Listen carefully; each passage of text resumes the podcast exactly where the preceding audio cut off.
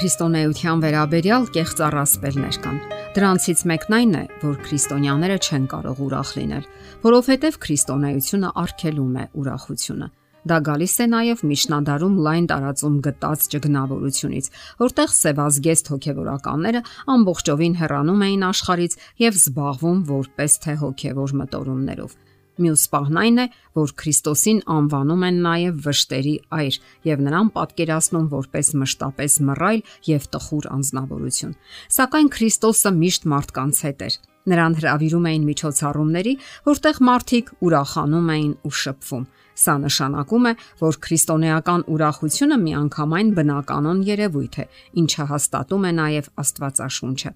Այնտեղ կարդում ենք. Ուրախ եղեք Տերում Ֆիլիպեի եկեղեցուն ուղված իր ուղերձում Պողոս Արաքյալը հորդորում է առաջին քրիստոնյաներին, որ ուրախ լինեն եւ չվհատվեն։ Սակայն միայն առաջին դարերի քրիստոնյաներին չէ, որ Աստված հորդորում է ուրախ լինել։ Սա հորդոր է եւ կոչ բոլոր ժամանակների եւ բոլոր հավատացյալների համար։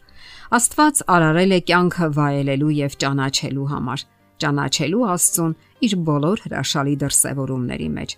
Առաջին դարերի քրիստոնյաները ուրախ էին իրենց հավատի մեջ։ Նրանց համար Քրիստոսը կյանք էր եւ կյանքի նպատակ։ Մենք էլ սովորենք ուրախ լինել։ Երբ մենք գոհ ու երախտապարտ ենք, մենք նաև ուրախ ենք։ Աստծուց ներշնչված Պողոս Արաքյալը գրում է. Ամեն բանի մեջ գոհացեք, որովհետև սա է Աստծո կամքը ձեզ վրա Քրիստոս Հիսուսում։ Մեկ այլտեղ կարդում ենք. եւ Աստծո խաղաղությունը իշխի ձեր սրտերում եւ գոհացող եղեք։ Ուրախությունը պետք է հատուկ լինի քրիստոնյային եւ իշխի նրա ցանկությունների ու տրամադրության վրա։ Հոգսաշատ մեր ժամանակներում հատկապես այն խիստ կարևոր է պահպանելու համար հոգու ամրությունն ու պայծառությունը։ Ուրախության, գոհության զգացումը դարձի եկած սրտի բնական վիճակն է։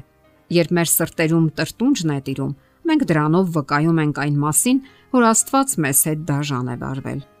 անբավականության հոգին ու տրտունջը ստվեր են գցում Աստծո բնավորության վրա։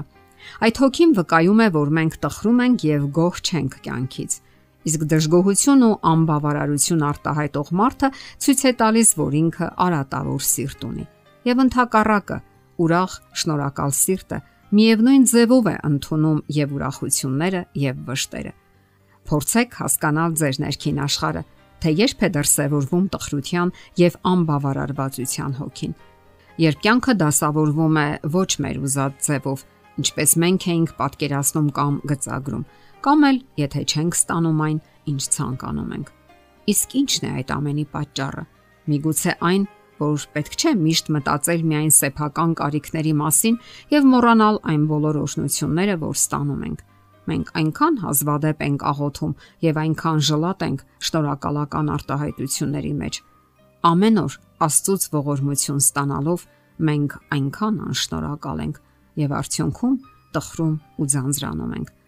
Անհրաժեշտ է դաստիարակել սեփական անձը, որpիսի լինենք ուրախ ու պայծառ բնավորություն ունեցող մարդիկ, լինենք շնորհակալ, երախտապարտ անznավորություն իսկ դրա համար անհրաժեշտ է մեծագույն ուրախությամբ ընդունել կյանքի, մարդկանց եւ հատկապես Աստծո ապարքեված յուրաքանչյուր շնոր։ Ցավոք, մեր հասարակությունը ավելի է բարփակվում իր մեջ, դառնում է զուսպ, ժլատ զգացմունքները դրսևորելու մեջ, որովհետև զգացմունքներ դրսևորելը համարվում է անպատշաճ եւ ոչ քաղաքակիրթ։ Ուրախությունը կարծես դառնում է ավելորդ մի բան։ Մենք կարող ենք ուրախության պորտքումներ ճանենալ, սակայն ուրախ ու զվարթ տրամադրություն միշտ կարող ենք ունենալ։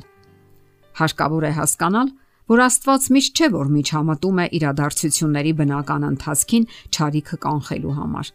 Սակայն դա չի խանգարում նրան, որ վերահսկի պատմությունը եւ կոնկրետ իրադարձությունները։ Մեր աշխարհում բարի մարդկանց հետ էլ է վատ բան պատահում։ Բարու եւ ճարի միջև պայքարում զոհերն անխուսափելի են։ Աստված թույլ է տալիս, որ ճարը գործի, սակայն միևնույն ժամանակ նա մեր կողքին է տարապանքների պահին, եւ դա կարող է իսկապես ուրախություն պատճառել մեզ, որովհետեւ Աստված երբեք չի լքում իր զավակներին։ Նա այցելում է տարապյալներին, որpիսի մխիթարի նրանց, եւ մենք մխիթարվում ենք։ Նա մեզ հետ է դժվարությունների, վշտի ու լացի պահին, եւ միշտ մնում է մեր հույսը։ Նա քաջալերում է մեզ, ուժ է տալիս եւ սատարում։ Ահա թե ինչու, երբ նրա հետ ենք, մենք չենք տխրում։ Աստված հույս է տալիս սրտով կոտրվածներին, ուժ է տալիս տկարներին ու թուլասիրտներին, որpիսի երբեք չհուսահատվենք եւ մեզ միայնակ չզգանք։ Երբ մենք տխուր ենք, կարող ենք հավատով կարճել նրա աներեր зерքերից։ Իսկ դա այնքան է ամրացնում մեր հոգեվոր ուժերը։ Մենք ավելի ու ավելի ենք վստահում նրան եւ թույլ տալիս որ նրա լույսը թափանցի մեր հոգու խավարի մեջ եւ հուսավառի մեր սրտերը իր հավերժական խոստումներով։